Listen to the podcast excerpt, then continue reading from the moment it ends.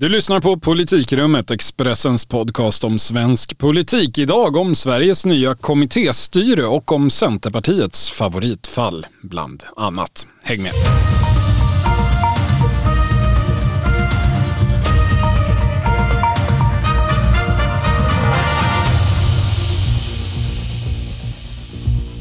Det är tisdag den 29 november. Det är grått i Ulf Kristerssons Sverige och det är dags för sammanträde nummer 52 här i Politikrummet. Jag heter Viktor Bartkron och med mig som alltid numera Thomas Nordenskjöld. Hallå, hallå. Idag ska vi faktiskt inte prata om Liberalerna. Du tycker att det börjar räcka eller? Ja, jag tror att vi är klara nu. Jag kände det när jag såg Agenda i SVT i söndags. Eh, huvudgäst i programmet Johan Persson, mm. nyvald ordinarie ordförande i ett av de nya regeringspartierna i Sverige. Han var med i drygt 19 minuter. De första 10 minuterna handlade om att Liberalerna har varit osams om hur man ska hantera Sverigedemokraterna. Alltså man måste ju säga att Anna Gullbergs brun sörja-intervju har fått visst avtryck ändå. Eh, ja, för efter de där tio minuterna kom sen sju minuter som handlade om exakt vad Johan Persson hade använt för ord om Sverigedemokraterna. Ja, ord som vi har lärt oss. Ja, eh, och efter det så kom två minuter drygt förvisso ska sägas, eh, om det faktum att Johan Persson är Sveriges arbetsmarknadsminister och att landet står inför en svår lågkonjunktur. Så den där sista frågan blev ju inte direkt körd i botten om man säger så. Nej, sen får man väl ändå säga att han i viss mån bidragit till denna storm genom sin krishantering och olika, alltså tal om ursäkter som sen har tagits tillbaka och så vidare. Ja, alltså det är inte meningen att kasta några klusterbomber i glashus här och säga att eh, SVT är roten till något ont. Men, eh, och det är spännande med de ständiga fejderna i Liberalerna och med gnisslet mellan L och SD. Absolut, men det kanske inte är eh, det mest relevanta eller åtminstone inte det enda relevanta vi har på bordet i svensk politik just nu, fick jag en känsla av. Nej, sen är det väl så att det har legat Liberalerna lite i fatet här att det inte har hänt så överdrivet mycket i svensk politik i övrigt och sen är det så att medierna älskar den här storyn. Det är tydligt. Jo, det gör ju det. Men jag menar så här, eh, om man ska vara lite seriös. Alltså frågan om Sverigedemokraternas inflytande, den har just, eh, efter att ha diskuterats fram och tillbaka i tolv år, har den, den har just prövat sitt allmänt val. Mm. Och ja, sidan vann. Knappt men klart. Frågan om hur Liberalerna ska hantera Sverigedemokraterna. Den frågan har processats internt i Liberalerna i fyra års tid. Och vägvalet att samarbeta det har bekräftats på partiråd, på landsmöte och nu senast i lördags genom ett enhälligt partiledarval. Eh, alltså efter att Tidöavtalets innehåll har blivit känt. Ja, jo men det har dryftats en del det där. Men, men sen alltså Liberalernas vägval, alltså det var ju samtidigt en av de liksom, viktigaste politiska händelserna förra mandatperioden, det måste man ändå säga. Alltså när Nyamko Sabuni förde Liberalerna tillbaka till den högra planhalvan så avgjordes valet som någon moderat har sagt en gång. Ja precis, alltså en av de viktigaste politiska händelserna förra mandatperioden, du sa det själv. Ja. Den här processen tog fyra år och under tiden så hade Sverige ju faktiskt en rödgrön regering ja, eh, med allt vad det, det innebar. Och det var ju mycket till följd av Liberalernas förra vägval och det är lite det jag försöker fara efter här. Alltså det är klart att Liberalerna kan ändra sig i den här frågan igen. Mm. Um, det är Liberalerna vi pratar om trots allt.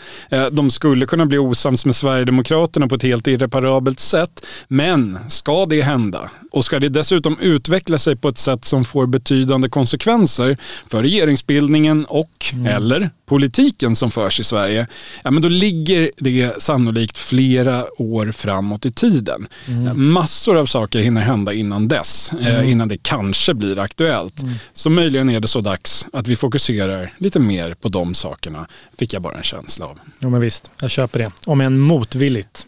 Bra. Eh, jag kommer få äta upp det här nästa vecka, eh, ja, så vi passar på. Ska vi still. Berätta nu Thomas, vad gör den här regeringen då egentligen, bortom de här rubrikerna eh, som vi alltså inte ska prata om? Nej, Bra, vi vänder blad. Nej, men alltså, regeringen har ju varit rätt inåtvänd tycker jag man kan säga alltså sen, sen den tillträdde. Alltså, den har ju uppenbart haft rätt fullt upp med att bygga upp sina samarbetsstrukturer och, och allt vad det är. Det där som den gamla alliansen gjorde innan val. Ja, eh, så. Det har varit eh, mycket sånt. Eh, och eh, alltså man har enligt vad jag får höra också lagt ner väldigt mycket tid på att sortera frågor som man kallar det. Alltså, eh, de har suttit med alla de här fyra partierna och gått igenom vad som är tidrelaterat Eh, och berörs av eh, alla samarbetsfrågor och samarbetsprojekt i Tidöavtalet och vad som inte är det. Och det här är någonting som man kommer behöva hantera löpande. Men nu har man då tagit fram en modell eh, och förhandlat om den för hur det här ska gå till. Och här kommer de här fyra partiernas då samordningskanslier som inrättats i regeringskansliet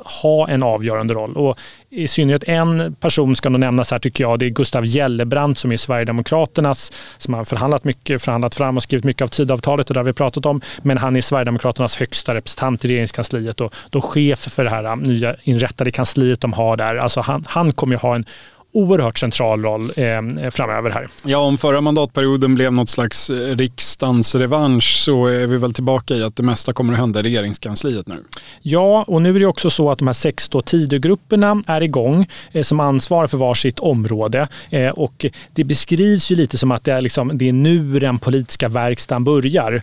Eh, först, först, måste de bara ta fram någon form av projektplan säger de. Mm, det låter som, och man anar att det pågår väldigt mycket möten. Eh, ja. Jag tror många många som jag själv som kanske inte är någon mötesfanatiker känner en viss ångest inför att höra det här. Alltså enormt mycket möten eh, får jag intrycket av när man ringer folk. Eh, så. Och dessutom så är det så att eh, de här då, politiska tjänstemännen här eh, från de här partierna och kanske i synnerhet från Sverigedemokraterna, de måste springa till riksdagskansliet och stämma av en massa saker hela tiden. Det sägs att då Gustav Gellerbrand, Sverigedemokraten, alltså ofta gör det flera gånger om dagen. Och då, eh, för att träffa då de som sitter kvar i riksdagen, så Jimmy Åkesson, Henrik Winge, de behöver informeras och vara involverade i detta. Och, och Gustav Gällebrandt har ju också bara, alltså nu tror jag att det än så länge bara rekryterat tre tjänstemän, det ska vara sex och sen kanske ytterligare någon eller några. Men, men liksom det är ju inte ett speciellt stort kansli som Sverigedemokraterna har i regeringskansliet och då kommer man behöva använda sig av då partiets tjänstemän i riksdagen för att liksom hantera det här. Men som sagt, alltså det, man får verkligen intrycket tycker jag av att det här, allt det interna, eh, allt det här sorterande som man kallar det, tar eh, liksom väldigt mycket kraft och energi och det gör att regeringen än så länge i alla fall inte syns särskilt mycket utåt. Nej, den gör ju inte det. Eh, nu ska vi säga att eh, Ebba Busch ska, hör och häpna, ställa upp i 30 eh, minuter i SVT imorgon. Mm. annars har ju ministrar varit ganska restriktiva med att ge intervjuer, Verkligen. särskilt i, i sådana format och mest uppmärksammat i just det formatet. De få gånger som ministrar har framträtt har det ju mer än en gång också lett till reprimander från sverigedemokratiskt håll för att man har kränkt det heliga Tidöavtalet eller någonting liknande. Det kanske har bidragit till återhållsamheten och kanske är det istället då sekreterarna för olika mm. möteskommittéer inom ramen för tidavtalet som borde sitta hos Anders Holmberg och bli grillade, eller?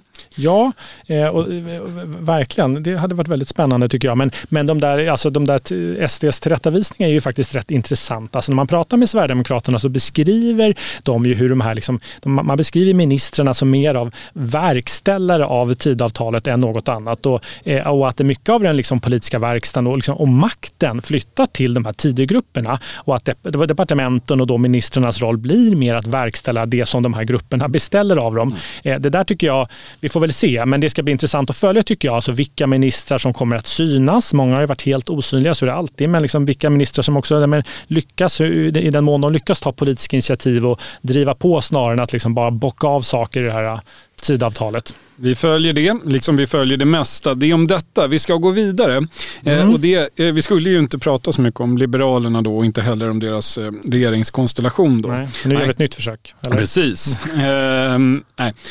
Men vi ska gå vidare till den andra sidan av den nyinrättade ja. blockgränsen. Eh, om Liberalerna, nu nämnde jag dem igen, eh, fortsätter att vara i ropet, vare sig de vill det eller inte, så gäller ju lite motsatsen för den förra mandatperiodens stora it-parti mm. i svensk politik alltså Centerpartiet. Det pågår ett partiledarval där. Vi följer det i den här podden, troget i varje avsnitt, men ja, i övrigt så är väl engagemanget inte sådär översvallande i det svenska samhället om man ska vara ärlig. Nej, alltså den här processen, då partiledarprocessen i Centerpartiet har ju präglats av ett ganska stort ointresse från omvärldens sida, får man säga. Alltså medierna har ju knappt bevakat det alls eh, och det har inte heller funnits någon större entusiasm, ska man säga, internt i Centerpartiet för någon av de här tre kandidaterna. Även om Daniel Bäckström, i alla fall fram tills nyligen, har sett som en favorit. Eh, eh men den här rätt ljumma inställningen eh, utan så starka känslor har liksom förvandlats nu och blivit mer, det har blivit mer infekterat. Det är tydligt. Jag vet inte om det är något positivt, men folk eh, är upprörda och arga och det talas om smutsigt maktspel och knivar som slipas. Ja, nej men, ja någonting positivt finns väl i engagemang. Men det här mm senaste och då den infekterade fasen i denna trötta strid började då, ska vi säga med att Daniel Bäckström, en av kandidaterna, inte kunde mm. eller ville svara på frågan i en intern utfrågning om han kunde tänka sig att viga samkönade par. Mm, och dessutom så svarade han undvikande på frågan om han som eventuell partiledare då avsåg att gå längst fram i Pride-tåget. Och han har eh, kommenterat det här efteråt men väl fortsatt att krumbukta sig lite kring frågeställningarna. Vilket många då misstänker har ett samband med hans engagemang i frikyrkorörelsen. Om man ska ta detta mycket kortfattat så är det väl ja. ungefär så det har börjat. Exakt, eh, och det där anses ju ha liksom skadat Daniel Bäckströms chanser ganska rejält. Och han har ju verkligen tappat sin favoritstatus och enligt vissa då till och med bränt sina chanser. Och det där borde ju rimligen då öppna upp för den andra av de två liksom, kandidaterna som eh, har mer favoritstatus, då, Elisabeth Tand Ringqvist. Men istället beskylls hon nu då för att ligga bakom en kampanj mot Daniel Bäckström och den som då framförallt beskyller eh, henne framför detta, eller för, för detta är ju då Patrik Oksanen eh, eh, som skrivit ett långt och rasande inlägg på Facebook. Och eh, Patrik Oksanen är då en av eh, inte jättemånga öppet eh, centerpartistiska ledarskribenter som har nationellt genomslag ska vi säga. Och jag säger öppet centerpartistiska eftersom DNs ledarsida fortfarande undviker den och etiketten officiellt.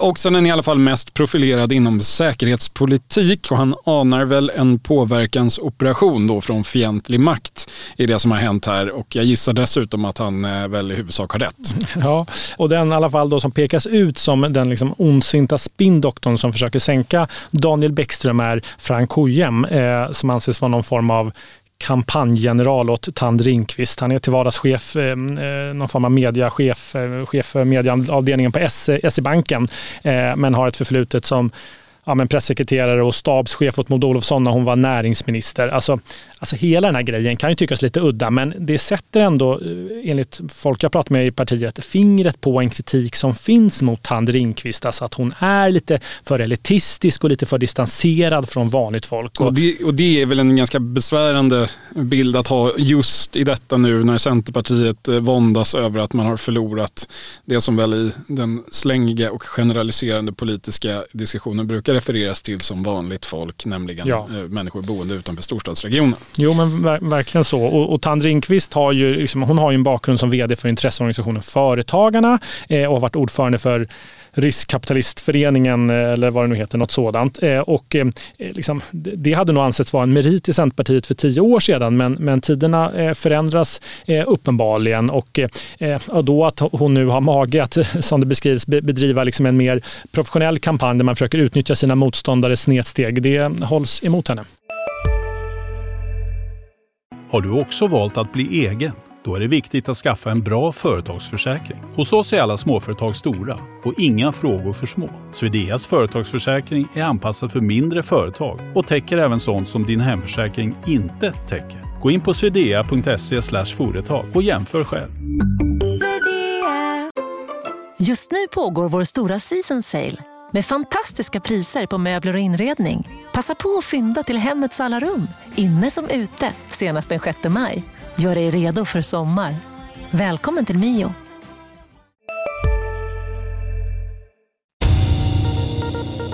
Så första favoriten Daniel Bäckström visar sig vara för religiös mm. och andra favoriten Elisabeth Tand Ringqvist för mycket kampanjkapitalist.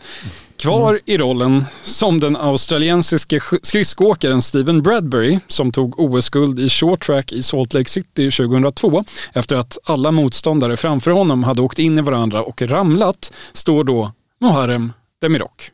Ja, jo men eh, han, han, gör ju det. Alltså, frågan är väl om Harem Demirok eller Murre, som alla säger i Centerpartiet, alltså någonsin räknat med att vinna det här eller eh, liksom mer gav sig in för, eller för att liksom etablera sig som ett namn och få en, en tung post i partiet vid sidan av en, då en annan partiledare som skulle väljas, eh, som man då tänker eller misstänker. Men alltså, nu framstår ju han då, Harem Demirok, som, som, som mer av en favorit. Alltså, han bedöms i alla fall inte ha sämre chanser än de andra utan snarare bättre. Och han är populär ute i kommunerna och bland gräsrötterna. Alltså, han har en bakgrund som ordförande för kommunala sektionen i Centerpartiet. Eh, en instans som jag tycker ja, den låter nästan påhittad, som lite på skoj. Men mm. den är på riktigt eh, och har stor tyngd i Centerpartiet. Och genom den rollen, där man då fungerar som en form av länk mellan partistyrelse och centerkommunalråd, har ju då Demirok skaffat sig en, en stark förankring ute i, i partiet. Ja, så ska man vara lite elak kan man väl säga att den där positionen nog var ännu tyngre före valet, alltså innan Centerpartiet förlorade den kommunala makten i halva landet. Men vi ska inte vara sådana. Och det var ju förut som man hade den rollen. Ja, jo men, ja men, jo men lite så är det säkert. Men alltså hela den här processen har ju annars präglats av en vilja från partiet att hålla den här diskussionen om partiets vägval, alltså politiska vägval, vilken sida man ska tillhöra utanför partiledarvalet. Alltså därför har man valt tre kandidater som eh, i alla fall utåt gett samma svar på frågan om partiets position i svensk politik. Och det där tror jag har bidragit eh, till det ganska ljumma intresset. Eh, men även där har det, liksom, har det ändå hänt lite saker nu. Eh, och, och, och, den som tydligast har argumenterat för att partiet ska återgå till då den högra planhalvan, Helena Lindahl, riksdagsledamoten för Centerpartiet, eh, hon har nu gått ut och tagit tydlig ställning för Daniel Bäckström i detta. Helena Lindahl som själv då inte fick vara med eh, som Nej. kandidat på den här turnén. Mot sin vilja, hon ville ju det. Mm, mm. Precis. Eh, Daniel Bäckström sägs ju dessutom ha förespråkat Ulf Kristersson som statsminister efter valet 2018 och inte Stefan Löfven som blev Centerpartiets val till slut. Ja, precis så. Men Daniel Bäckström har precis som de andra kandidaterna liksom ändå hållit sig till samma talepunkt här i ganska stor utsträckning som Annie Lööf i regeringsfrågan, men, men utan hennes entusiasm eh, ska man nog säga. Eh, och liksom när Daniel Bäckström, jag tycker det var tydligt när, han har stått och förklarat varför, det har varit några sådana intervjuer, eh, liksom varför Magdalena Andersson var den rätta statsministerkandidaten för Centerpartiet inför det här valet valet så har han inte riktigt lyckats förmedla att han tror på det tycker jag. Nej, alltså nu finns det ju en del centerprofiler, exempelvis tidigare nämnda Patrik Oksanen som mm. har gått ut och förklarat att det minsann inte finns någon intern opinion i Centerpartiet för att inleda något slags samarbete med Sverigedemokraterna eller för den delen för att närma sig de rödgröna. Och att det här i sig skulle förklara tystnaden. Och jag tvivlar mm. inte på att det stämmer. Men Centerpartiet ska alltså välja en ny partiledare och inte ett nytt parlamentariskt läge i Sverige. Alltså mandaten ligger där de ligger, de andra partierna formerar sig som de gör. Och om Centerpartiet inte tänker förhålla sig till det i framtiden heller, men då är det ju i längden lite svårt att se vad de ska i riksdagen att göra. De lär i alla fall inte upplevas som mer relevanta när nästa val närmar sig, tror jag. Nej, alltså man, man, man, får ändå känslan tycker jag av att partiet är rätt vilset. Alltså, eh, nu angriper man ju regeringen, den nya regeringen tydligt från höger, från borgerligt håll, den ekonomiska politiken. Eh, kritiserar avsaknaden av, av borgerliga reformer och så. Eh, men samtidigt utesluter man fortsatt att samarbete med SD, vilket då ändå tvingar den in i någon form av, sannolikt om man håller fast vid detta, samarbete med de rödgröna, inklusive Vänsterpartiet. Alltså det är inte helt lätt att se hur Centerpartiet ska hitta en roll i det här eh, som funkar efter Annie Lööf, tycker jag. Men alltså, det blir kanske som, det var någon centerpartist jag pratade med som sa att alltså, den dagen partiet byter fot i synen på SD, vilket man inte vet om det kommer ske, men om det gör det så kommer det bara ske. Alltså det, är liksom mm. inte, eh, det snarare blir inom ramen för någon segdragen eh, regeringsbildning där efter 2026 eller när nu nästa regeringsbildning sker eh, och bakom stängda dörrar och inte något offentligt partiråd.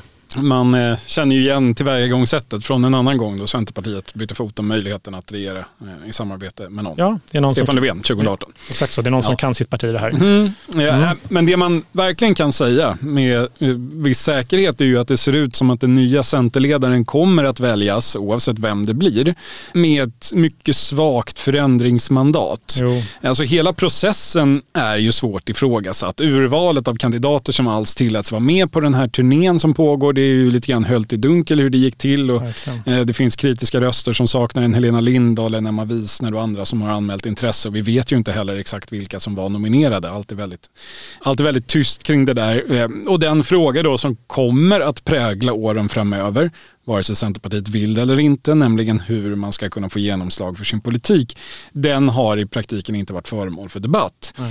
Och det kan förstås vara så att den som till slut väljs ändå tar ett fast grepp om tömmarna och leder partiet till ett land av mjölk och honung. Men det är just nu lite svårt att se hur. Ja, alltså vår tidigare kollega Helena Gissén spådde ju att den som tillträder som nu då centerledare riskerar att bli ett svar på Anna Kinberg Batra som ju eh, fick det svåra uppdraget att ta över efter Fredrik Reinfeldt i det där läget när eh, Moderaterna var väldigt osäkra på, på framtiden som nu blivit oppositionsparti. Och, alltså det finns helt klart en del likheter där faktiskt. Mm, onekligen så. Hej, Synoptik här. Visste du att solens UV-strålar kan vara skadliga och åldra dina ögon i förtid? Kom in till oss så hjälper vi dig att hitta rätt solglasögon som skyddar dina ögon. Välkommen till Synoptik. Hörrni, innan vi lämnar er så ska vi följa upp en annan sak som vi har pratat om tidigare i den här podden. Nämligen ordförandestriden i Moderata ungdomsförbundet. Den avgjordes nämligen i lördags i en spännande drabbning på stämman ute vid Arlanda, Thomas. Ja, Douglas Thor, tidigare ordförande för ja, Moderata studenter, besegrade sittande Matilda Ekeblad med siffrorna 52-49. Alltså en chock ska man säga för många då på den förlorande sidan, alltså som var säkra på en seger. Alltså, eh, dock ska sägas att även den andra sidan var säkra på en seger och eh, i det här fallet fick rätt. Och om ni undrar över siffrorna så är alltså eh, antal ombud och inte procent. Nej. 52, 49, det blir 101. Mm. Eh, det var, eh, som du var inne på, olika prognoser på förhand, men vi kan notera att just 52 ombud mot 49, det var exakt den prognos som eh, riksdagsledamoten och den eh, moderata maktspelaren Oliver Rosengren, eh, Rosengren bjöd på när vi, du och jag mötte honom i riksdagen några dagar före den här eh, MUF-stämman. Han hade uppenbarligen koll på hur landet låg, om man säger så. Ja, väldigt profetiskt. Alltså Douglas Thore är ju också hans kandidat. Eh, och man ska säga alltså hela den här ledarstriden har ju varit rätt laddad eftersom de här då två kandidaterna har backats upp av varsin falang i partiet. Eh, och riksdagsgruppen har varit delad i den mån man nu bryr sig om det här och även då flera ministrarna har, eh, har stått på olika sidor här. Det har varit allmänt känt. Och eh, man ska väl säga att, alltså att, det, att det inte blivit ännu värre och sårigare av det här eh, tror jag beror på att Moderaterna nu sitter i regeringen. Alltså Niklas Wykman som pekas ut som ledare på, för den falang där Douglas Thor ingår är ju nu minister eh, och det är även Maria Malmer Stenegard och Johan Forsell som tillhör den andra sidan. Eh, men ja, jag såg nu att Maria Malmer Stenegard som varit tydlig då i sitt stöd för Matilda Ekeblad gick ut och gratulerade vinnaren här Douglas Thor. Och någon känsla av fullt krig får jag ändå inte trots trots att det här ändå kan ses som ytterligare ett tecken, där vi har sett en del sådana tecken tidigare, men ytterligare ett tecken på att Wykman-falangen, som jag brukar benämna den som, alltså flyttar fram sina positioner i partiet. Ja, men partiledningens eh, hämnd eh, har väl redan inträffat så tillvida att Niklas Wykman nu får sitta som finansmarknadsminister och försvara varför svenskarna inte alls blir befriade från amorteringskravet, som Moderaterna sa före valet. Ja, ungefär så. Ja. Skämt åsido, jag noterade en kommentar från eh, Leif Gripestam, kommunalråd i Täby i många år och tung moderat i Stockholms eh, eh, lika tunga länsdistrikt. Mm. Han skrev att eh, ordförandestriden i MUF slutade exakt som striden i Lycksele för nästan på dagen 30 år sedan. Den gången vann utmanaren Fredrik Reinfeldt mot Ulf Kristersson. Vissa är ikväll euforiska, andra är djupt besvikna. Men kom ihåg, skrev alltså Gripestam, att båda kontrahenterna från Lycksele har blivit statsministrar. Framtiden är ljus. Fint. Eh, ja, eh, Matilda Ekeblad får väl komma tillbaka om 20 år och ta över partiet och landet och ta avstånd från allt som Douglas Thor har gjort som statsminister och moderatledare. En gammal tradition. Mm, det vore onekligen att följa moderat tradition. Nu är det ju inte direkt någon naturlag att man eh, som tidigare MUF-ledare ska bli statsminister, men jag tycker ändå att eh, Leif Gripestrams eh, spaning ringar in varför vi och andra ändå lägger en del energi på att förstå och berätta om turer i olika ungdomsorganisationer mm. eh, som ju i sig själva inte har någon formell makt över någonting alls. Det finns faktiskt en viss sannolikhet eh, för att Douglas Thor eller Matilda Ekeblad eller för den delen båda två i framtiden styr oss alla. Ja, spännande tanke. Alltså även SSU, Socialdemokraternas ungdomsförbund, hade ju en gång i tiden rollen som plantskola för partiet, men det var ett tag sedan eh, Damberg, Ygeman och Ardalan Shekarabi eh, slog sig blodiga. Men alltså, som någon form av kurs i politiskt spel och makt strider brukar ungdomsförbunden fungera utmärkt faktiskt. Vi ska väl i ärlighetens namn säga att vi får väl ge eh, efterkommande generationer lika lång tid. Eh, det, nu, ja. nu är ju millennieskiftets SSU-generation, det är nu de står på sin topp. Så det, än finns det ju lite tid. Jag vet, men det är mindre strider nu. Ja, det är sant. Mm, eh, får se om det är bra eller dåligt för eh, mm. plantskolepotentialen. Mm. Om 30 år eh, så kanske vi vet vem eller vilka som egentligen gick segrande ur helgens eh, MUF-strid. Så länge behöver ni inte vänta på ett nytt avsnitt av Politikrummet. Vi är tillbaka nästa tisdag. Då är det den 6 december och ännu lite mörkare i Ulf Kristerssons Sverige. Mm. Tack för idag. Thomas. Tack, tack. Och tack till er som har lyssnat. Ha en bra vecka så hörs vi. Hej.